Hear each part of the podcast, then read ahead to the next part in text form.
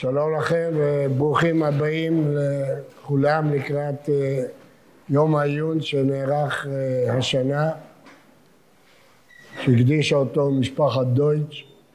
יום העיון אה, השנה הוזמנו אליו הבוגרים והתלמידים והידידים. אני מברך את כולם בברכת שנה טובה ומבורכת. מיד לאחר השיעור הבחורים ייגשו לארוחת ערב והבוגרים יש להם טעימה בעזרת נשים. אני שמח על ההזדמנות הנדירה יש לומר להזמין את אחי הרב הפרופסור מרדכי סבטו. אם אני אציג אותו בתור אחי זה לא מקובל כל כך. אם אני אציג אותו בתור מומחה בתלמוד שכתב את הספר החשוב על מסכת סנהדרין אז uh, כולם יודעים, אבל אני אציג אותו בצורה אחרת, לא זאת ולא זאת. אה, מרדכי, הרב מרדכי היה מקבוצה ייחודית שליוותה את הישיבה כשהיינו ארבעים תלמידים באוהלים במישור אדומים בחום הכבד ובאה קבוצה מישיבת הר עציון לעזור לנו, ללוות אותנו, ללוות את בני שועל בתוכם הרב שמשוני שיושב איתנו, וזכות הראשונים הזאת שמורה להם. אני כמעט בטוח שבימים ההם הם פקפקו איך הישיבה תיראה בעוד עשר, עשרים שנה עם שני הרמים הצעירים שהם מלווים אותם. ברוך השם, הם יכולים לראות היום, אחרי 46 שנה, את הפירות המשובחים של הנטייה שהם נטעו. אני מבקש מהרב מרדכי ללמד אותנו את השיעור.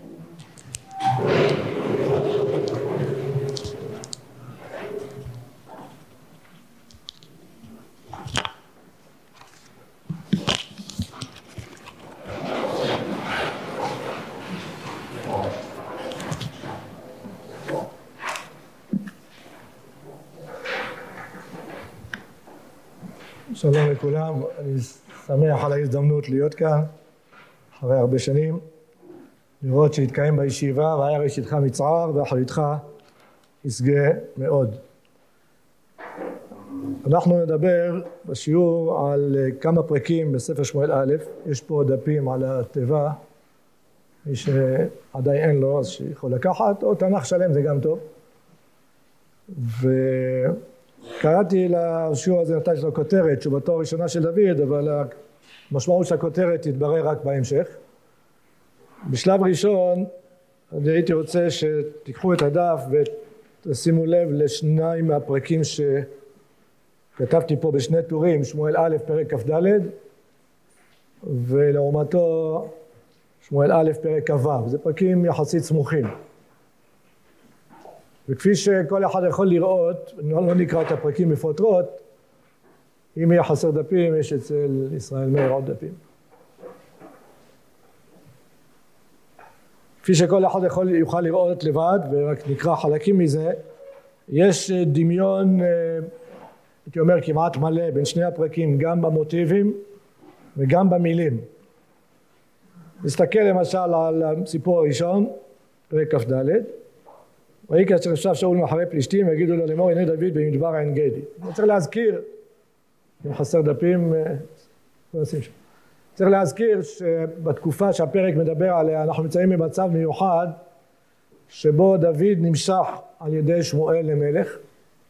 ושמואל הודיע כבר לשאול שהשם קרא את הממלכה ממנו אבל שאול לא מוותר על המלכות והעם עדיין תומך בשאול. אז יש מצב שכביכול שניים משוחים, אחד מולך בפועל, והשני כאילו טוען לכתר, מה שגרם לשאול לחשוב שדוד מורד בו, כפי שהוא אומר בפירוש גם ליונתן וגם אחרי זה הוא אמר את זה לנובי עיר הכהנים, לכן גם הוא הרג את כל נובי עיר הכהנים כי הוא חשד באחימלך ובהם שמשתפים פעולה עם דוד.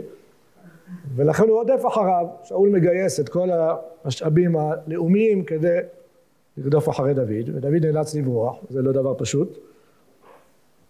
והסיפור שלנו זה אחד מהסיפורי המרדף של שאול אחרי דוד, דוד כבר התלקטו איתו גדוד אנשים והם נאלצים לברוח ממקום למקום, צריך להבין שזה לא רק סכנת מוות, זה גם בעיה של קיום, איך להתקיים בכל הזמן שהם בורחים ממקום למקום. אז כתוב פה בפסוק ב' ששאול לוקח שלושת אלפים איש, בחור, זאת אומרת זה סיירת, נבחרים, והולך לבקש את דוד, עוזב את כל ענייני הממלכה, ואז קורה המקרה שכולם אני מניח מכירים, שבאקראי שאול נכנס להסכת רגליו לאחת המערות, זה כנראה לא מערה כמו שאולי אנחנו מכירים מהשכונה, אלא מערות של מדבר יהודה של עשרות מטרים, אם לא יותר, ובמקרה היו שם דוד ואנשיו, שם בחרו להתחבא, והוא כמובן לא מזהה אותם, הוא בא מהאור אל החושך, זה גם כנראה מערה ארוכה, אבל הם כן מזהים אותו, ואז פסוק ד' הם אומרים לדוד, הנה היום אשר אמר השם אליך הנה אנוכי נותן את אויבך בידיך ועשית לו לשבת בעיניך. אז כמובן הם לא אומרים בפירוש, אבל הם מתכוונים שזו ההזדמנות של דוד להכות את שאול, שאול בכלל לא מצפה לזה ואין מי שיגן עליו, ובכך הם אה, יחסכו את כל המרדפים, את כל הסכנות של שנים שהם נסים על נפשם. דוד קם, וכולם בטוחים שהוא הולך לעשות את זה, אבל מה שהוא עושה, בהפתעת האנשים, ויכול את כנף המלך של שאול בלט, בהערת סוגריים הכתוב אומר שגם על זה אחר כך הוא יצטער. וכשהוא חוזר, אז הוא מסביר לאנשים, פסוק ו', חלילי מהשם אם יעשה את הדבר הזה לדברים למשיח השם שלא יחדירו כי משיח השם. אז הוא מסביר להם למה הוא לא עשה את זה, הוא לא פוגע במשיח השם. אז פסוק ז' אומר וישסע דוד את אנשיו בדברים ולא נתנם לקום לשאול. כלומר ברור מכאן שאמרו לו טוב אם אתה לא רוצה לעשות אנחנו נעשה נמאס לנו מכל הרדיפות הרי הם לא יודעים אם בסופו של דבר אחד המרדפים שאול לא ישיג אותם ויהרוג אותם כמו שהוא עשה לנבעיר הכהנים אז הם לא, לא מוכנים להמשיך כך. רוצים לקום אתה לא עושה אנחנו נעשה. הוא היה צריך למנוע את זה מהם. הלשון שהכתוב בוחר כאן היא לשון מאוד מיוחדת וישסע אנחנו מכירים את זה כמובן מהסיפור של שמשון ששיסה את האריה זאת אומרת כאילו הכתוב רוצה לרמוז לנו שאותם כוחות נפש, כוחות גוף שנדרשו לשמשון ושסה את הארי נדרשו לדוד כדי למנוע מאנשיו לקום ולעשות מעשה, הטיל עליהם את מרותו, לא כתוב איזה דברים, אבל טוב, אחרי זה שאול הולך ואז דוד יוצא וקורא אחרי שאול, אומר לו הנה איך אתה חושב שאני מבקש רעתך, הנה יכולתי לפגוע בך, הנה הכנף, אתה עושה סתם, טוב, ואז אה, כל אחד יכול לקרוא את הפסוקים לבד. אה, והתגובה של שאול מפסוק ט"ז ואילך שהוא מודה. פסוק י"ז צדיק תלמדי כי אתה גמלתני לטובה הבאתי לך רעה וכולי וכולי הוא אפילו מבקש ממנו שכשהוא ימלוך הוא לא יפגע בו וכולי. זה הסיפור. עכשיו כפי שאתם רואים בצד שמאל זה פרק כ"ו הוא יותר ארוך רואים את זה בעין אבל זה אותו, אותם מוטיבים בדיוק. אה, שאול גם כן לוקח, אני ניסיתי להדגיש פה את המילים העיקריות הדומות, אני מניח שיש עוד, אבל אתם רואים בטור השמאלי, ויקום שאול וירד אל מדבר זיף, אותו שלושת אלפים איש, כמו שהיה מקודם, בחורי ישראל, כמו בחור מכל ישראל, לבקש את דוד, כמו לבקש את דוד. ודוד רואה מה שקורה, אז הוא אה, מחליט אה, להתגנב למחנה של שאול, פסוק ה' והוא שואל מי מוכן להצטרף אליו, בפסוק ו', אבישי אומר אני אצטרף, הם יורדים, ושאול שוכב ישן, חניתו מאוחר בארץ, וכל אלה שמסביבו גם כן ישנים, אבנר וכל השומרים וכל הגיבורים. פסוק ח' מוצאים את אותו מוטיב שראינו כבר בפרק כ"ד, אבישי שהוא מאנשי דוד, הוא מקביל לפרק כ"ד, פסוק ד', אומר לו, סיגר אלוהים היום את אויבך בידיך, אתה קרן המחנות הארץ פעם אחת ולא אשנה לו. כאן מראש הוא מציע שהוא יפגע בו. וגם כאן דוד מונע ממנו, ממש מקביל ל"וישסע דוד את אנשיו". אל תשחיתהו כי מי שעד משם ונקרא, חי השם, כי אם השם יגרופנו, ויומו יבוא ומת, וחמה ירד ונספה. חלילי לי מהשם, ישלח ידי במשיח השם, ואתה קח נא את החנית אשר מרשתה וצפחת המים לך. גם פה הוא מסרב, וגם פה הוא לוקח איזו הוכחה שהוא יכול היה לעשות ולא עשה כדי שישתמש בה בהמשך, זה מקביל לכנף. פסוק י"ב ויקח דוד את החנית ואת ספחת המים, שימו לב שהוא אמר לאבישי לקחת, אבל בפועל מי שלוקח זה לא אבישי, זה דוד. מה זה אומר? זה אומר שאבישי כועס, הוא לא מוכן, זה, זה סירוב פקודה אפשר לקרוא לזה. הוא מאוד כועס, הוא אומר לו בשביל זה ירדתי, בשביל זה סיכנתי את עצמי, זה סכנת מוות הייתה, איך... דוד הרי לא יכול היה לדעת שכולם יהיו ישנים, איך הוא יכול לדעת? ושמישהו לא יתעורר? לא, זה, זה פעולה שהסיכוי לצאת ממנה חי הוא ממש אפסי. אבישי היה מוכן כי הוא היה בטוח שהם עושים את זה כדי לסגור אחת ולתמיד את כל הסכנה של המרדפים האלה, אז הסיכוי שווה את הסיכון, אם נצליח לפגוע בו. אז לפחות נפסיק את המרדפים, את סכנת המוות שאורבת לנו כל רגע. אבל בשביל לשחק משחקים זה נראה לו דבר בלתי נתפס. חז"ל מחדדים את זה יותר, הם אומרים שפסוק י"א, כבר פסוק י' כתוב, ויאמר דוד חי השם. י"א חלילה לי מהשם. למה חי השם ולמה חלילה, מה, מה נכנס פה שם השם? חז"ל אומרים שהוא נשבע, דוד נשבע. מה תוכן השבועה? שהוא אמר לאבישי, אם אתה נוגע בו, אני מערב את דמך בדמו. כלומר, הוא איים עליו בהריגה. וזה היה ויכוח מאוד מאוד נוקב. אבישי לא היה מוכן לוותר. אתם יודעים, אבישי, בן צרויה, איך דוד אמר יותר מאוחר, האנשים האלה בני צרויה קשים ממני. הם לא אנשים שמוותרים בקלות. לפעמים הם כפו את רצונם על דוד. אבל פה דוד יכול, הצליח לכפות את רצונו בתוקף, באמצעות שבועה, שהוא השביע אותו, אז גם אם זה לא מפורש בפשט, אבל זה ברור שהיה פה, פה מאבק גדול ביניהם, ודוד היה צריך להפעיל, זה ממש כמו וישסע, במקום וישסע יש פה את, ה, את, ה, את השבועה, הוא כפה את רצונו על אבישי, רק אבישי הביע את הוראת רוחו בזה שהוא לא לקח, ואז שוב הוא, דוד לוקח את זה ויוצא, ועוד פעם הוא קורא, עוד פעם הוא מראה להם שהוא יכול היה לפגוע ולא פגע, ועוד פעם שאול מתנצל ומתרגש וכולי וכולי, כל אחד יכול לקרוא את הפסוקים וגם לראות את ה... אתם יכולים לראות את, ה, את המילים הדומות שהדגשתי, כפי שאמרתי, לא יודע אם את כולם, את רובם, אה, ממש אותם מילים, אותם ביטויים, אפשר לראות אה, לבד. למשל בפרק כ"ד, דוגמה רק, בפסוק ט', ויאמר דוד לשאול, למה תשמע את דברי אדם לאמור? בפסוק י"ט, ועם בני אדם ארורים הם וכולי. אה, ועוד, גם מילים גם יחסית נדירות, לא רק מילים שהן אה, טבעיות, אבל הריכוז הוא די בולט. והשאלה שאני מציב כאן, ועל זה אני רוצה לדבר בחלק הראשון, או גם בהמשך, זה מה המשמעות של הכפילות. כלומר, יש כאן שני סיפורים, הם אותם מוטיבים ועם אותו רעיון, אז, אז למה שניים? עכשיו, מי שחושב שהמקרא זה סיפור היסטורי רגיל, אז זה לא מפריע לו, מפני שזה מה שהיה, זה מה שהוא מספר, מה, מה לעשות? קרו שני מקרים. אבל אם אנחנו מניחים, מה שדעתי צריך להניח, ש, שהכתובים, התנ"ך, זה לא רק היסטוריה, זה היסטוריוסופיה, כלומר זה העברת מסרים באמצעות הסיפורים, אז אם העברת מסר באמצעות סיפור אחד, למה נחזור עליו בסיפור נוסף? המסר הוא ודאי חשוב, שדוד המלך לא מוכן להישען על משיחתו שלו בידי שמואל כדי לפגוע במשיח השם. איך הוא אומר בפסוק אה, ט"ו בפרק כ"ד, והיה השם לדיין, שפט ביני וביניך, וירא ויערב את ריבי וישפטני, הוא מוסר, כאילו אומר השם, מוסר את דינו לשמיים, אותו דבר בפרק כ"ו, לא מוסר את דינו לשמיים, הוא אומר אני לא, אני משאיר להשם לעשות מה שהוא רוצה, או בפרק כ"ו פסוק י', מה הוא אומר? חי השם כי אם השם יגופנו, או יום או יום ומת, או חלילה לי מהשם ישלוח לי ממשיח השם. זאת אומרת, אה, זה יקרה לא על ידי, אני לא מוכן לקחת חלק בעניין הזה. ובפרק כ"ד, פסוק י"ג הוא אומר, כאשר אומר המשל הקדמוני, ברשעים יצא רשע, אז זה רעיון חשוב, לומר לנו שדוד לא מבסס את מלכותו על, על, על, על, על הריגה של, של שאול, אבל למה, למה הכפילות? זאת שאלה אחת. ושאלה נוספת היא קצת יותר חמורה, שפרק כ"ו מתעלם לגמרי מפרק כ"ד. כלומר אין שום ביטוי בפרק כ"ו לא של הכתוב, לא של דוד ולא של שאול, שזה כבר קרה מקודם. היינו מצפים, כשדוד מנסה להראות לו ש... שהוא טועה בכך שהוא חושב שהוא רודף אחריו, אז היה צריך להגיד לו, כבר עשיתי את זה פעם, אני עושה את זה עוד פעם. הוא לא אומר את זה. וכששאול מתרגש אחרי זה, בסוף הפרק, פסוק כ"א, חטאתי שוב בני דוד, בפרק כ"ו, אז גם הייתי מצפה שהוא יגיד עשית לי את זה פעמיים, אה,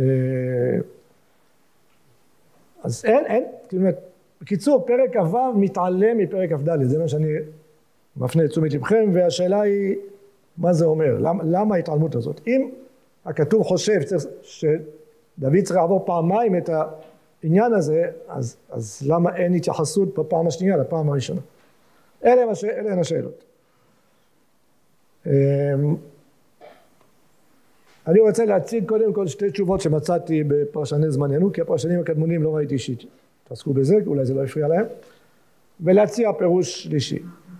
פירוש הראשון שאני רוצה להציע, ראיתי אותו אצל אה, פרופסור ידעי ליצור, שהיה פרשן וחוקר מקרא ידוע, כתב פירוש דעת מקרא נדמה לי לשופטים. אה, הוא כתב מאמר על דוד, והוא מתמודד עם השאלה הזאת, ויש לו תשובה מאוד מעניינת. הוא אומר שהמפתח לענות על השאלה הזאת זה פרק כ"ד, פסוק ד'. כתוב שם, ויאמרו אנשי דוד אליו, הנה היום אשר אמר השם אליך, הנה אני הולכים לתן אויבך בידיך. והוא שואל שאלה פשוטה, איפה מצאנו שהשם אמר לדוד, הנה אנוכי נותן את אויבך בידיך, איפה, מצטטים פה, הנה היום אשר אמר השם, איפה הוא אמר? תקראו את כל הפרקים לפני כן, אין, אין משפט כזה שהשם אמר לדוד, לא באופן ישיר, לא, לא על ידי שמואל. אז למה הם מתכוונים? זה מה שהוא שואל, זו שאלה טובה. אפשר היה לומר שהשם אמר וזה לא כתוב, זה יכול להיות, תאורטית זה יכול להיות, שהם מתייחסים לאמירה שלא נכתבה, זה יכול להיות, יש פרשנים שאומרים את זה על, על uh, דברים מקבילים בתורה, לא, אני זמן כרגע להתייחס לזה, אבל יש גם בתורה מקומות כאלה, וחלק מהפרשים עונים כך. אבל זה לא נוח, זה לא נוח כי בדרך כלל יש במקרא הרמוניה פנימית, ואם כתוב פה אשר אמר, אז המקרא היה צריך להביא לנו, בדרך כלל זו דרכו, להביא את זה לפני כן, כדי שאני לא אהיה מופתע כאן. אבל במקרה הזה יש שאלה יותר חמורה על, על, על האפשרות הזאת, כי אם השם באמת אמר, אז איך דוד מפר את דברי השם? אם השם אמר לו, הנה אנוכי את אויבך בידיך, יבוא יום שאני אתן לך... אז למה, אז למה הוא מסרב? זה, זה מוזר. אומר אליצור, הצהרה שלדעתי מאוד uh, הגיונית, הוא אומר שבאמת השם לא אמר במילים. אז מה זה הנה היום שאמר השם? הם מפרשים את האירועים. כי כל הדמויות כאן הם כולם אנשים מאמינים. כל אחד מפרש את הדברים על פי דרכו, אבל כולם מאמינים, ורואים באירועים את יד השם. אז אירועים הוא דבר פשוט, אם שמואל משך אותך, אז אתה צריך להיות מלך. מי מפריע? שאול מפריע. אז מה לעשות בשביל להיות מלך? צריך לפגוע בו. בדרך כלל אי אפשר כי הוא, יש לו כל הצבא איתו, כל השומרים איתו, אבל הנה אתה רואה איך קרה המקרה שמכל המערות הוא נכנס דווקא למערה שאנחנו מתחבאים בה. איך, איך קרה המקרה הזה שהוא ממש נפל לידיך? הלא זה לא יכול להיות מקרה, כולנו אמונים על העיקרון שאין מקרה בעולם כלל, אז אם אין מקרה, אז הנה ככה השם מדבר, השם מדבר במאורעות.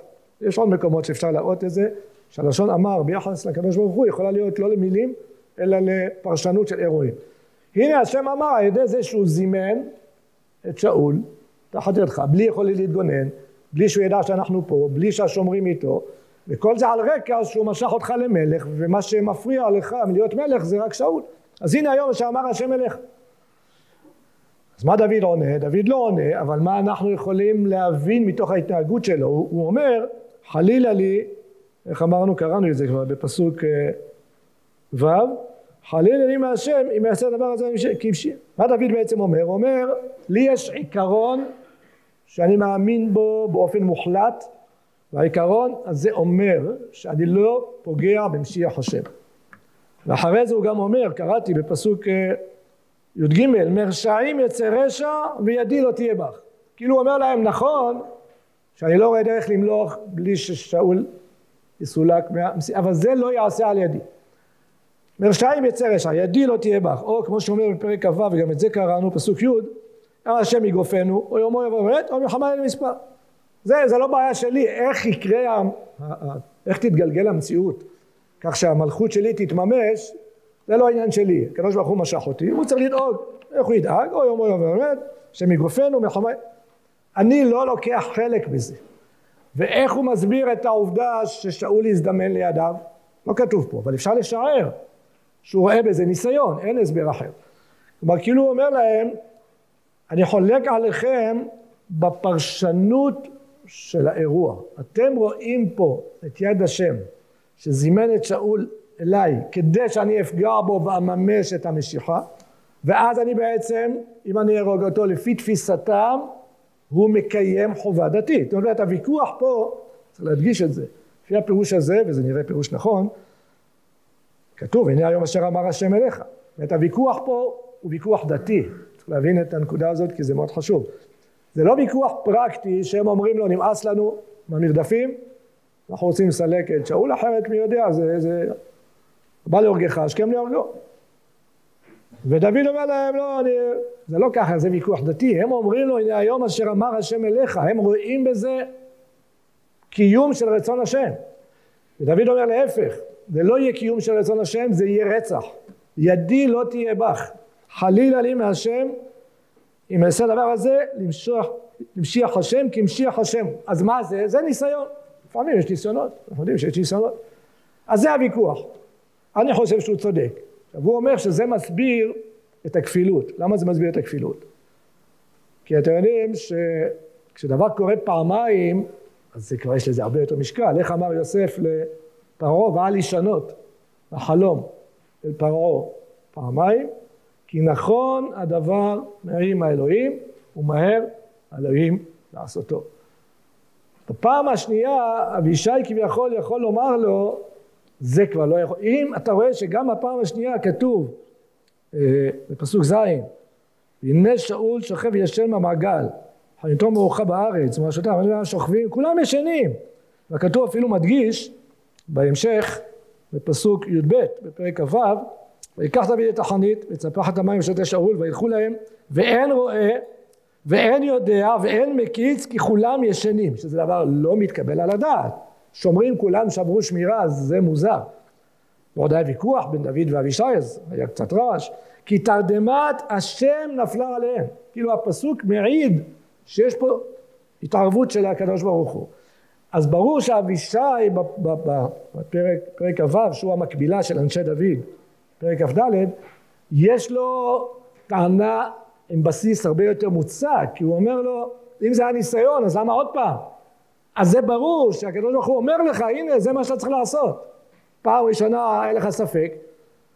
יותר מזה, אבישי אומר לו, בפרק, ראינו את זה כבר, פרק כ"ו, פסוק ח', ועתה כן נונה בחנית ובארץ. הוא מציע שהוא יכה אותו. כאילו הוא אומר לדוד אם עדיין יש לך ספקות אם זה רצון השם כן או לא אני מוכן לעשות את זה. לי אין ספקות. אתם יודעים לפעמים שיש ספק בהלכה כן או לא אז אומר מישהו אני אין לי ספק אני אעשה אתם תגידו אמן ותעשו שניים. אם אני צודק אז אתם אני שליח שלכם אם לא אני לא שליח זה משהו כזה. כאילו יש אומר לו אני אעשה. אתה תגיד אם זה רצון השם הוא שליח שלי. אם לא הוא לא שליח. שלי זה, הכי, זה כאילו פתרון קלאסי. הוא מציע לו את זה, אמרתי כן, דוד לא מוכן, דוד אומר לו אל תשחיתהו כי מי שהלך לדור במשיח השם וניקה חי השם, אמרנו יש פה שבועה, היה צריך להישבע פעמיים, הביאו לחי השם, חלילה לי מהשם ואמרנו שהוא, לפי המדרש, הוא אפילו אמר לו, אם אתה הורג אותו, אני הורג אותך. מה זה אומר? זה, זה אומר שדוד,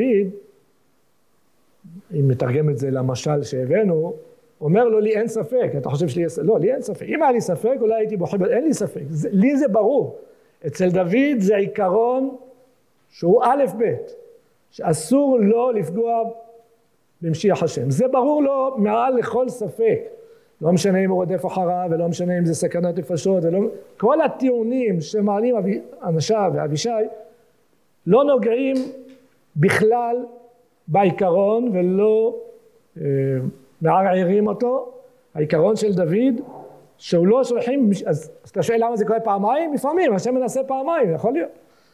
אז אומר אליצור, היתרון של הסיפור השני על הראשון זה להראות לך עד כמה דוד אה, אה, משוכנע ומאמין באופן מוחלט שלא משיגים מלוכה בדמים, שזה דבר גדול. להשיג, בדרך כלל זה לא קורה כשמלכות בספר מלכים רואים את זה לצערנו הרבה, כשמלכות מתחלפת אז המלך החדש משמיד את הכל או חלק, זה כאילו דבר שהוא כמעט מתבקש. ופה דוד אה, מבשר עיקרון חדש שמפתיע את כולם ואת אנשיו, ואת אבישי ואת כל האנשים שלו, שלא מגיעים למלוכה אפילו שהוא נמשך. מילא אם הוא לא נמשך, בסדר, אבל אם הוא נמשך על ידי שמואל ושמואל אומר לשאול קרא השם רות ישראל מעליך ושאול לא מוכן לוותר זוכרים שנתן אומר לו אתה תמלוך על ישראל ואנוכי אליך למשנה אבל שאול לא מוכן לוותר ואף על פי כן דוד אומר לא אז איך זה יתממש? אני לא יודע, השם יגופנו, יאמר ימי, חבל מרשעים יצא רשע. אז זה הסבר מאוד יפה, שהכפילות באה ללמד אותנו עד כמה העיקרון הזה של דוד, שלא משיגים מלוכה בדמים או בפגיעה במשיח השם, עד כמה הוא כל כך יסודי אצלו, שלא מעניין אותו מה שאומרים אנשיו ומה שאומר אבישי, וזה קורה פעמיים וכולי וכולי. ההסבר הזה, כפי שאמרתי, מאוד יפה, אבל יש בו בעיה, אפילו הייתי אומר שתי בעיות. אה, בעיה אחת קטנה, שאם זאת הכוונה של פרק כ"ו, שוב הייתי מצפה ש... שאבישי יגיד את זה. כלומר, אנחנו לא מוצאים שאבישי אומר לו זה כבר פעם שנייה. אם זה עיקר הטיעון, למה, למה אין שום ביטוי בפרק, מה ששאלתי מקודם, עכשיו הוא הרבה יותר חריף. כי אם אתה טוען שכל הרעיון של פרק כ"ו זה להראות שאפילו שזה קורה פעם שנייה, דוד נמנע, אז למה זה לא בא לידי ביטוי? לא בדברי אבישי, לא בשום צורה. זו שאלה קטנה, שלדעתי בכל זאת שאלה. שאלה יותר חמורה זה שהתשובה הזאת מפספסת פה בסיפור משהו מאוד מאוד מיוחד, שאני מניח שחלק מכם כבר תמהים עליו כבר כמה דקות, כבר מאז שקראתם את הפרק הזה, והוא שבניגוד לפרק הראשון, היינו פרק כ"ד, האירוע הראשון, שבו שאול מזדמן באקראי לידי דוד, אף אחד לא תכנן את זה, הוא נכנס למערה לשאת רגליו, והם יושבים שם, ו... בפרק כ"ו זה בכלל לא כך, בואו נקרא את זה שוב, את ההתחלה, שלא קראנו ממש פה פסוק פסוק, אבל כדאי לשים לב, אמנם שאול יוזם את המרדף בפסוק ב', אבל מכאן ואילך דוד לוקח את היוזמה לידיו, פסוק ג'. וירא כי בא שאול אחריו במדברה, וישלח דליה וישלח רגלים, הוא שולח לו רגלים, וידע כי בא שאול אל נכון, לא נתעכב כרגע מה זה אל נכון, ויקום דוד ויבוא אל המקום שחנה שם שאול, הוא מתצפת עליו מלמעלה, והיה דוד המקום אשר שכב שם שאול ואבנר בן נר שר צבאו, ויען דוד ויאמר אל אחימלך החיתי ושם מצווה יכול לבוא מי ירד איתי אל שאול, הוא יוזם את הירידה, שזה דבר פלא, מה פתאום הוא יוזם את הירידה, בשביל מה? מה זה הס... למה לקחת את הסיכון הגדול הזה? הכתוב רומז לסכנה הגדולה בצורה מאוד מתוחכמת, תשימו לב שבפסוק ו' כתוב ויען דוד ויאמר אל אחימלך החיתי מי ראשון? אחימלך כנראה הוא פנה אליו ראשון הוא הסתובב אליו ראשון מי הסכים? אבישי כאילו אבישי אחימלך קצת היסס ואבישי קפץ על ההזדמנות. למה הוא היסס? הוא היסס כי כל אחד היה מהסס. מי משוגע לעשות את הדבר הזה? עכשיו אבישי שהסכים אפשר גם להבין למה הוא הסכים, הוא הסכים כי הוא, כי הוא היה בטוח שהולכים להרוג, להרוג את, את, את שאול, אז כמו שאמרתי קודם, הסיכוי שווה את הסיכון, אבל לרדת בשביל לקחת חנית וצפחת ולהוכיח לו אחרי זה, כי הוא כבר הוכחת לו את זה בפרק כ"ד ולא עזר כלום, עובדה שהוא, שהוא המשיך לרדוף, לרדוף אחריך, אז הוא התרגש קצת בסוף הפרק הקודם והבטיח כל מיני הבטחות, אבל אתה רואה שזה לא עזר, או בגלל שזה טבעו של האדם, או בגלל ששאול היה לו רוח רע, אני לא יודע. אבל כמו שזה לא עזר קודם, אף אחד לא מבטיח לך שזה יעזור גם הפעם. אז למה, הסיכ... למה המעשה הזה? למה דוד מסכן את עצמו בפעם השנייה? אגב, בפרק שאחרי זה, מי שמחזיק תנ"ך, יראה שדוד אומר, עתה יספה בידי שאול, אז הוא בורח לפלישתים. כלומר, ולא היה שום התנהגות יוצאת דופן של שאול אחרי זה. כלומר, מראש דוד ידע, כנראה, שהפעולה הזאת לא תמנע משאול מלהמשיך לרדוף אחריו, עובדה שמיד אחרי זה הוא בורח לפלישתים. אז בשביל מה הוא עושה את כל זה? למה הוא לוקח את הסיכון? איך הוא יודע שתרדמת אלוהים תיפול עליהם? הרי הם סומכים על הנס. אז זה צריך הסבר. אי אפשר להגיד שהפרק הזה בא לומר לך שלמרות שזה קרה פעמיים, דוד נמנע. זה לא קרה פעמיים, זה קרה פעם אחת. בפעם השנייה דוד יזם את זה. אז חייבים להסביר מה דחף אותו ליזום את זה. זה דבר מוזר, זה דבר שלא לא מובן, כמעט הייתי אומר לא מתקבל על הדעת, לכן גם אבישי מאוד נדהם, כשהוא אמר לו לא, אני לא, אז בשביל מה ירדנו? כאילו, מה זה אתה לא, מה זה אתה לא, אז בשביל מה ירדנו, בשביל מה הסתכלנו, בשביל חנית וצפחת, זה נראה לו לא, לא נורמלי. אז לכן ההסבר הזה, כפי שאמרתי, למרות שהוא יפה, וחלקים גדולים ממנו הם נכונים בעיניי, אבל הוא לא עונה בסופו של דבר על השאלה. הסבר שני ראיתי אצל פרופסור נחמה ליבוביץ' באחד מהדפים, היא הייתה, לא יודע מי מכם עוד מכיר אותה, היא כתבה הרבה מאוד על פרשיות שבוע, אחרי זה יצא בספרים, הייתה כותבת דפים ושולחים, עיונים, פרשיות שבוע, עיונים ב... אגב, אחד העיונים היא הגיעה גם לסיפור הזה, והיא הפנתה את תשומת הלב למדרש. אז אני רוצה לקרוא לכם את לשון המדרש. המדרש אומר, או שאני אגיד את זה בעל פה, המדרש אומר שאחרי הפעם הראשונה, אתם זוכרים שבפעם הראשונה כתוב ש... ששאול אמר לו, איך, איך שאול הגיב? שאול הגיב בפסוק י"ז, אני פרק כ"ד. הוא אומר על דוד צדיק אתה ממני. אגב צדיק זה לא במובן שלנו, במובן של צודק. כמו והצדיקו את הצדיק ויושיעו את הרשע, אז התרגום מתרגם חייב וזכאי. במקרה הספציפי הזה. צדיק אתה צודק ממני במה שאתה טוען, כי אתה גמלתני הטובה ואני גמלתיך הרע. אז אומר המדרש, בלשון הזאת, זה מדרש, אה, מדרש תהילים. המדרש שמואל זה נמצא, אין לי פה את כל המקורות, לא הבאתי, אבל אה,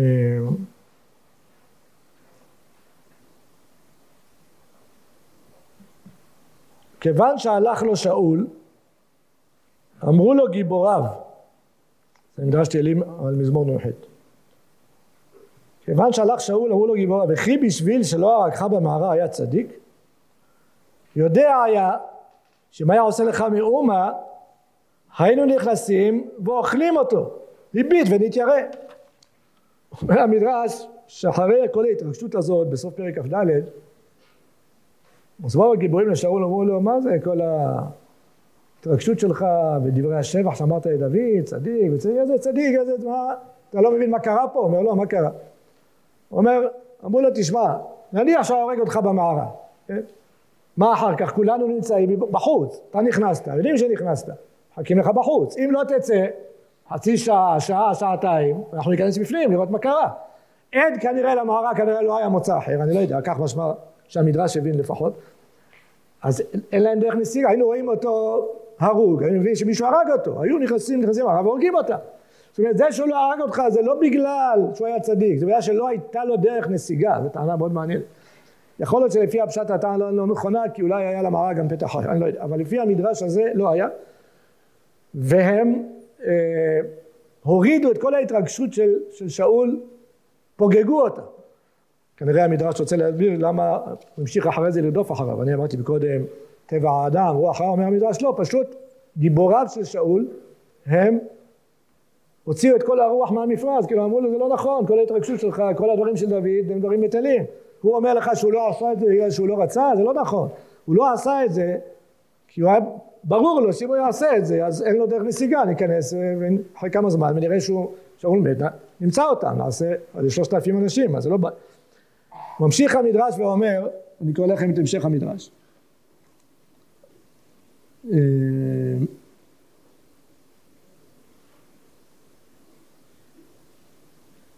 כיוון ששמע ויקום מלך מדבר סיף, כלומר כיוון שהוא שמע את זה קיבל והמשיך את המרדפים שלו. אני מדלג קצת. ואז אחרי הסיפור השני כתוב ויקח דוד את החנית צפחת המים ויקרא דוד אל העם ואל אבנר בן נר לאמור הלא תענה אבנר זה אצלכם נמצא בפסוקים י"ב י"ד בפרק כ"ו נכון? אני קורא במדרש אתם יכולים לראות בפסוקים י"ב הוא לוקח את החנית ובי"ד הוא אומר אל העם ואל אבנר הלא תענה אבנר מה זה הלא תענה אבנר?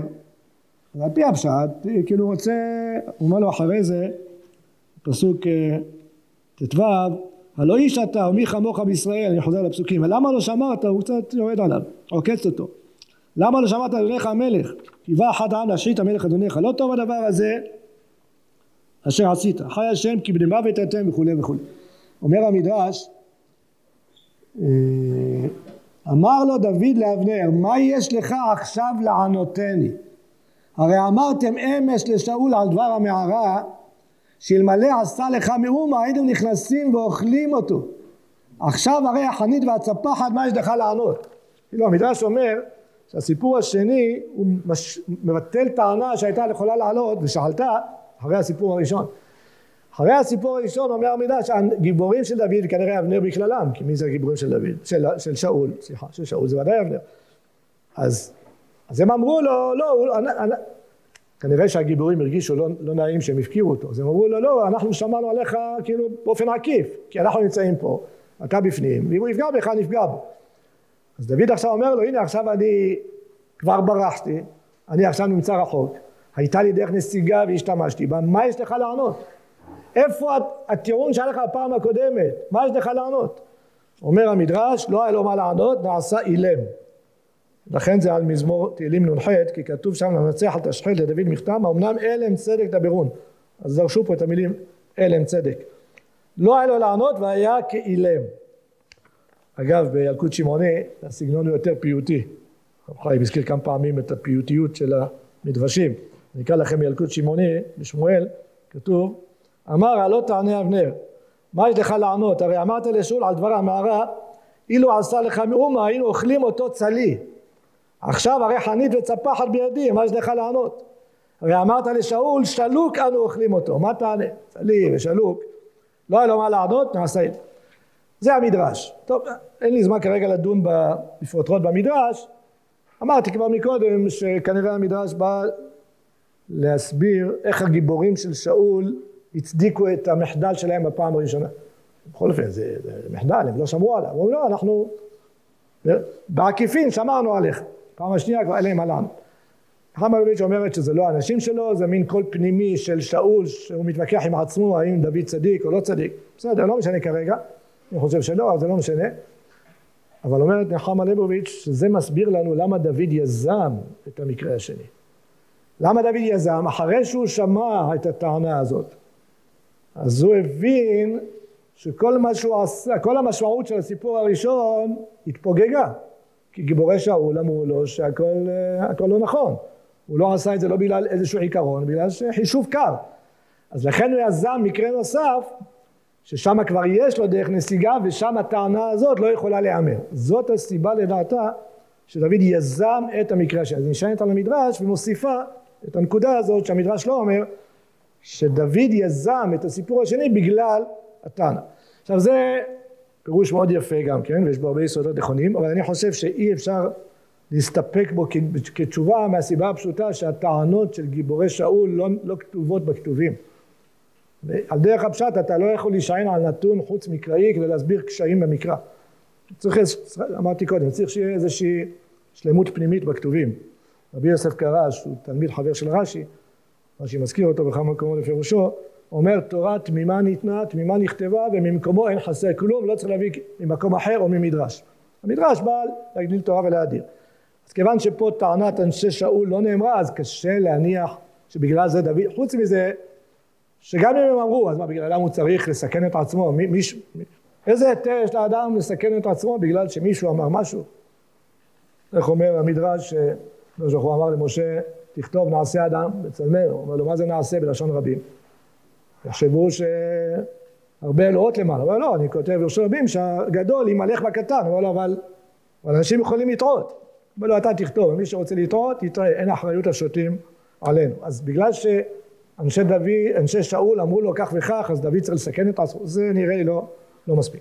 טוב, אני מגיע, הזמן מתקצר, אז אני רוצה להעלות את ההצעה שלי, וכאן צריך להפוך את הדף לצד השני. אתם שמים לב שזה פרק כ"ד, פרק כ"ו, אז באמצע יש פרק כ"ה. פרק כ"ה נמצא בצד השני של הדף שלפניכם, מי שיש לו תנ"ך, אדרבה. ויש בפרק כ"ו סיפור אחר לגמרי, נושא אחר לגמרי. שוב, אני לא יכול לקרוא את כל הפרק, כל אחד מוזמן לקרוא, להיזכר. זה הסיפור, נגיד אותו בקצרה, אה, איש במעון, פסוק ב', ומעשהו בכרמל, קוראים לו נבל. ולא צאן שלושת אלפים, אגב הדגשתי פה, אני לא, אין לי זמן לפרט, הדגשתי פה חלק מההקבלות לשני הפרקים שלפניו ואחריו, כי זה, זאת נקודה מאוד חשובה שעליה אני רוצה להישען. אני מקדים את המאוחר ואני אומר שהפרק הזה, למרות שהוא עוסק בנושא אחר ומוטיבים אחרים, יש בו הרבה לשונות משותפים לפרק שלפניו, לפרק שאחריו, הדגשתי אותם פה, וזה לא יכול להיות מקרה כי זו הצטברות מאוד מאוד מרשימה. אין שום ספק שזה לא מקרה. אבל הסיפור אחר, אתם רואים שלושת אלפים זה כמו שלושת אלפים בחור שהיה בכל אחד משני הסיפורים האחרים. ויהי בגזוז את צאנו בכרמל ושם האיש נבל שם אשתו אביגיל וכולי וכולי והאיש קשה ורם עללים וישמע דוד נאמר כי גוזז נבל את צאנו נקרא את ההתחלה וישלח דוד עשרה נערים ויאמר דוד נערים עלו כרמלה ותמל נבל ושלחנו בשמי לשלום אתם כל יחי ותשום ולך שלום וכולי וכולי. אתה שמעתי כי גוזזים לך כשגוזזים עושים סעודה גדולה. אתה הרועים אשר לך היו עמנו לא אוכלמנו ונפקד להם מאומה קוראים אותם בכרמל שאל לנעריך ויגידו לך נשואה נערים חן בעיניך. כי היום טוב בנו צנען את אשר תמצא ידך לעבדיך ומנך ילד שורה אחרונה מכל האריכות דברים הזאת דוד רוצה שהוא ייתן לו משהו לאכול זה מה שהוא רוצה. אמרתי שבכל המרדפים הללו יש בעיית קיום בעיית אוכל. אז אומר אתם עושים חינגה עושים סעודה אז תן לנו קצת. מה פתאום שייתן להם קצת? אז הוא אומר להם פסוק ז' שמעתי עוזריך לא, הנערים אשר, הרועים אשר היו לך לא אוכלם נום, לא נפקד להם מאומה. מה דעתכם על הטיעון הזה? לא ביישנו אותם, ולא חסר להם כלום, אז אני רוצה שייתן לי חלק. אז מה אומר נבל? אומר נבל, מי דוד ישי? אמר פה עבדים פרזים משמעת, לקחתי את לחמי ואת מימי ואת יבחתי, נתתי אנשים לדעתי מים. עכשיו יכול להיות שהוא נבל, לא יכול להיות, זה בטוח, אבל, אבל הוא חייב לתת לו? מה מחייב אותו לתת?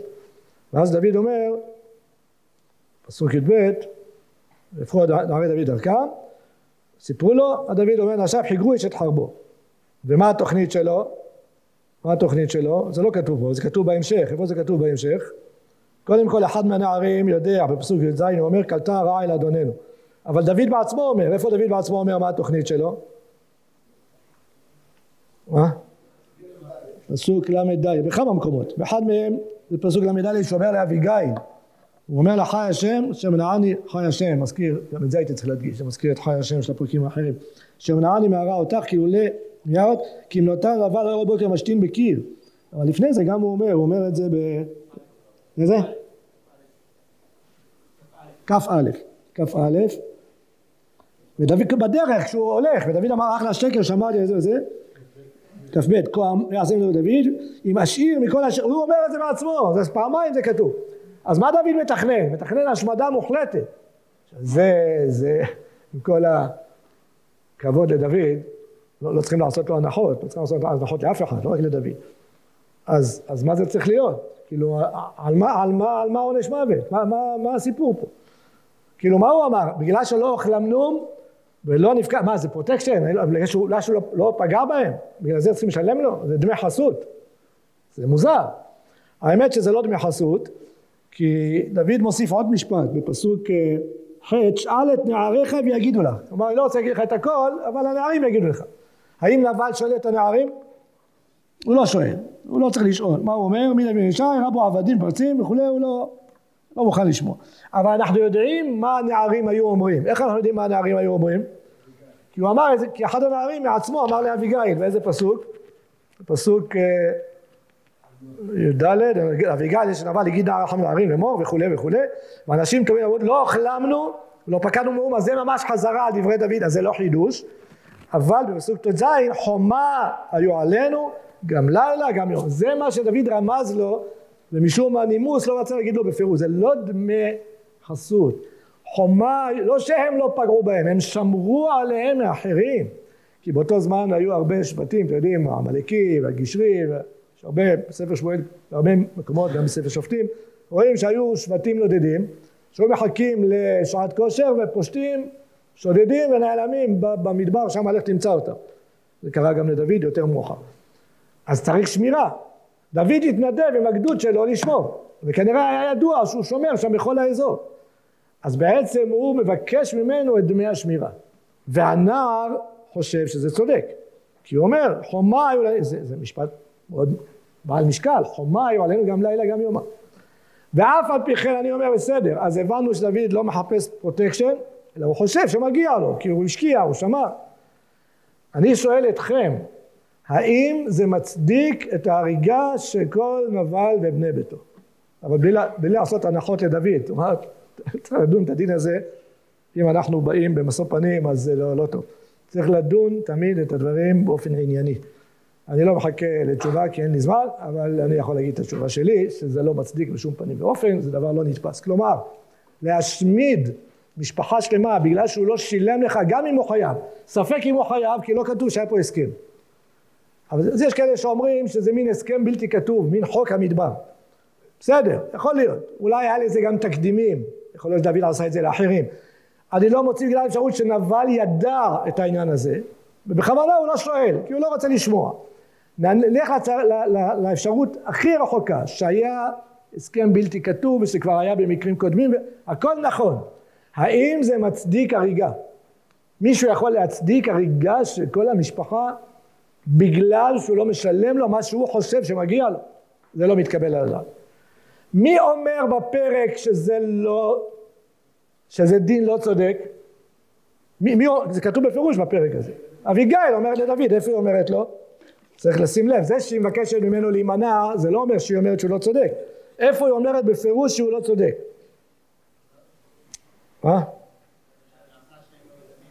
פסוק ל' והיה כי יעשה השם לאדוני כל אשר דיבר את הטובה עליך לא תהיה לך זאת לפוקה ומכשול לב לאדוני ולשפוך דם חינם דם חינם אין לזה יותר מדי פירושים אז היא אומרת ככה, יכול להיות שהיא לא צודקת, אבל כנראה שהיא כן צודקת והמקרא תומך בה, ואפילו דוד תומך בה. איך דוד תומך בה? כי הוא אומר לה, כי הוא אומר בפסוק ל"ט, וישמע דוד כבית נבל, ויאמר ברוך השם אשר רב הטריב בכל בני נבל, ואת עבדו חסך מרעה. מי שרוצה להתווכח יכול להגיד שרעה במובן הסובייקטיבי, מפגיעה במישהו, אבל זה לא נראה, נראה שרעה פה במובן של מעשה רע. ודוד מודה שבחמתו הוא עמד לעשות מעשה חמור ביותר. והשאלה שאני שואל את עצמי זה איך דוד הגיע למצב הזה. כלומר, תנסו להבין מהסיפור, בגלל שלא משלמים לו הוא הולך להרוג את כולם, כך מתנהג, כך צריך להתנהג, דוד הוא המופת, איך, איך הוא מתנהג בצורה, צריך, לה, צריך להסביר את זה, מה? אז כאן חז"ל כבר הסבירו את זה גם בתלמוד בבלי, גם בתלמוד ירושלמי, גם במדרשים, אני מניח שמכירים, זה גם בבבלי מגילה וגם בירושלמי סנהדרין וגם במדרשים שהם שמים את זה, אולי אין לי זמן לקרוא את זה לפרוטרוט, אז מי שירצה יסתכל אחרי זה, בבלי מגילה י"ד עמוד א' וירושלמי סנהדרין ב' ג' וגם במדרשים, שהם שמים את זה כדו שיח בין אביגיל לדוד. זה, זה דרכם של חז"ל לבטא את הרעיון. שאביגיל אומרת לו, על מה אתה, על מה אתה, מה זה הדבר הזה? אז הוא אומר לה, אולי נקרא דווקא את המשפט הזה, זה חשוב. אומר, אומר אומר הירושלמי כך, לא, אני אקרא את זה מה, מהמדרש. המדרש אומר, אמרה לו אביגיל לדוד, אדוני המלך, שתהיה מלך, אם, הרי מלך צריך לשפוט, יבוא הדין הזה אליך, מה אתה עושה? איזה דין? ילך אני, אני קורא ממדרש תהילים נ"ח, נ"ג, ילך אני, יאמר לבעל בית, עשה עמי צדקה, תן לי פת אחת. ואינו נזקק לו, לא נותן לו. והעני נופל עליו והורגו. אם הם באים אליך לדין מה אתה עושה? אתה מפקפק בדבר, אין אתה יכול להוציאו, והם אומרים לא עשה חן לנבל? אז מה אומר המדרש? זה, זה ממש כבר אדם שבא לבקש צדקה, זה אפילו יותר קיצוני. והוא אומר, איך, איך תהיה מלך, איך תדון, לא תהיה לך זאת לפוקה, לא תוכל... אז, אז אני חוזר ושואל, אז באמת על מה דוד נשען? אז זה כפי שאמרתי אומרת הגמרא במגילה, שהוא אומר לה, אה, מורד במלכות זה גם בבבלי גם בירושלים, דוד התרגז לא רק בגלל שהוא לא נתן לו, אלא בגלל מה? בגלל הסגנון. מה הסגנון של נבל? פסוק י' מי דוד ומי בן ישי. הוא אומר כאילו הוא לא מכיר, אני מניח כי מי לא הכיר, דוד מסתובב שם הרבה זמן, כפי שאמרנו, הוא ידוע, מה זה, אין אחד שלא מכיר. אז זה לשון זלזול. היום רבו עבדים המתפרצים איש מפני אדוניו. זה פגע בדוד, שהוא קורא לו עבד שמתפרץ, מי זה אדוניו? אדוניו זה שאול. אז דוד אומר לעצמו, אני יכול לדון אותו כמורד במלכות. זה מה שאומר לאביגיל. עכשיו, גם אם זה לא כתוב בפשט, אבל נראה לי ברור שזה מה שהדליק את דוד, זה מה שהכעיס אותו, וזה מה שנתן לו איזשהו צידוק לפגוע. מה ענתה לו אביגיל? ענתה לו אביגיל, לפי, לפי הגמרא, היא אמרה לו, אה, עדיין שאול קיים ולא יצא טבעך בעולם. טבעך זה לא מלשון טבע, מלשון מטבע. ככה רואים מה... במקבילה בירושלמי, שכשמלך מולך אז יוצא את המטבע שלו. זאת אומרת, כאילו אומרת לו כל זמן שיש מלך אחר אתה לא יכול להישען על. עכשיו מה שאני רוצה לומר זה את הדבר הבא. כבר אמרתי לכם ואין לי זמן לקרוא את זה אבל תסתכלו בהדגשות שהדגשתי אתם תראו שיש פה יותר מדי, לא יותר מדי, יש פה הרבה מקבילות לשני הסיפורים לפני ואחרי. ניתן אולי רק דוגמה אחת פסוק ל"ח ויהי כעשרת ימים ויגוף השם את דבל וימות. וישמע דוד כמת דבל ואין ברור השם אשר רב את ריב חרפתי. אתם זוכרים שהוא אמר לשאול שהשם יריב את ריבי וישפטני מידיך? ועוד הרבה דוגמאות. יותר מזה אני שכחתי לומר לכם שאם אתם שמים לב שהפסוקים כאן מתארים את אביגיל שמביאה לו מנחה. את מה זה מזכיר? זה מזכיר, תקראו קצת את הפסוקים שיש כאן על אביגיל שמביאה לו את המנחה, את מה זה מזכיר לכם? איזה סיפור אחר? אולי נקרא יעקב ועשיו, זה ברור, אם קוראים פה את אביגיל, פסוק י"ח, תיקח 200 לחם, שניים נביאי יין וכולי, תאמר לנעריה עברו לפניי, תעשו את ההשוואה לבד. הנה אחריכם באה. זה ממש כמו שאמר יעקב למלאכים, שתעברו לפניי ותגידו גם הנה הוא אחרינו. כלומר, המקרא על פי דרכו, גם בלי להגיד את זה בפירוש, אומר לנו שאביגיל פה התנהגה כמו יעקב, אז אם אביגיל היא כמו יעקב, אז לא צריך להיות יותר מדי חריף בשביל להבין שלדעת הפסוקים כאן, באיזה תפקיד הוא מלהק פה את דוד. דוד פה בעצם בתפקיד של, של עשיו. ויש לזה עוד ראיה, עוד רמז. איזה עוד רמז? כי כתוב בפסוק אה, אה, י"ג, ויאמר דוד ישב חיגרו איש את חרבו, והיה לו אחרי דוד כ... 400 איש. מה זה מזכיר 400 איש? זה 400 איש של עשיו. זאת אומרת, לי זה ברור, ולא לא רק לי, לא חייבים להסכים, אבל אני חושב, הרבה פעמים המקרא מביע את דעתו, לא בפירוש, אלא באמצעות הסגנון. זה די ברור שהוא מציג פה את דוד בדמות של עשיו, ואת אביגיל שמטה את ליבו בדמות של יעקב, שהצליח להטות את ליבו של אה, עשיו. אז פה אביגיל הטטה את ליבו של, של דוד. אז מה שאני רוצה לומר זה כך, אני צריך לחתור לסיום, חמש דקות נותרו לי, אני רוצה לומר כך, בפרק הזה, בעומק העניין, דוד מתנהג הפוך ממה שהוא התנהג בפרק הקודם, זה מה שאני רוצה לטעון. למרות שהפרק הקודם זה היה כנגד שאול, משיח השם ופה זה כנגד נבל, זה נכון, אבל בעומק העניין עומדת פה שאלה אחת למבחן, האם דוד נשען על משיכתו, או שהוא אומר כל עוד העם נמצא עם שאול, אני לא אני לא מתערב, מרשעים יצא רשע וידי לא תהיה בך, או יאמר יבוא ומת, או השם יגרופנו, בפרק כ"ד הוא אמר בבירור את עמדתו. נגד אנשיו, וישסר דוד את אנשיו, אנשים אמרו לו לא, משכו אותך, אתה צריך לממש את זה, זה רצון השם, הנה היום אשר אמר השם.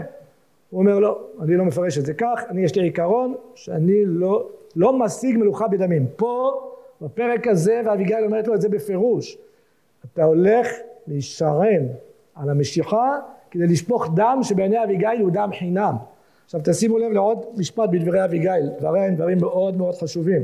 היא אומרת לו, בפסוק כ"ט אגב, ויקום אדם לרדופה ובקש נפשך, לפני זה אומרת לו ורעה לא תימצא בך בימיך. נתחיל בפסוק כ"ח, כי עשו יעשה השם לאדוני בית נאמן, כי מלחמות השם ורעה לא תימצא, כאילו אומרת לך, אתה צריך, אתה עומד לקבל בית נאמן, בית נאמן זה בית יציב. עד עכשיו לא נמצא בך רעה, זה מה שאומר זה הפרק הקודם, שהוא השיב טובת ה... ויקום אדם לרדופך, זה כנראה רמז זה שאול. ויקה עשה את כל התיבה הזאת, ולא תהיה לך, זאת אומרת, אל, היא אומרת לו במילים עדינות, אל תסטה מהדרך שלך, אתה הולך עכשיו לאבד את כל מה שהשגת בעמל. המלכות שלך, שעד עכשיו היא מלכות שלפי ההתנהגות שלך מושגת לא בדמים אלא בית נאמן, זה הולך להיות לך לפוקה או מכשול לב, זה יטיל צל על כל המלכות שלך.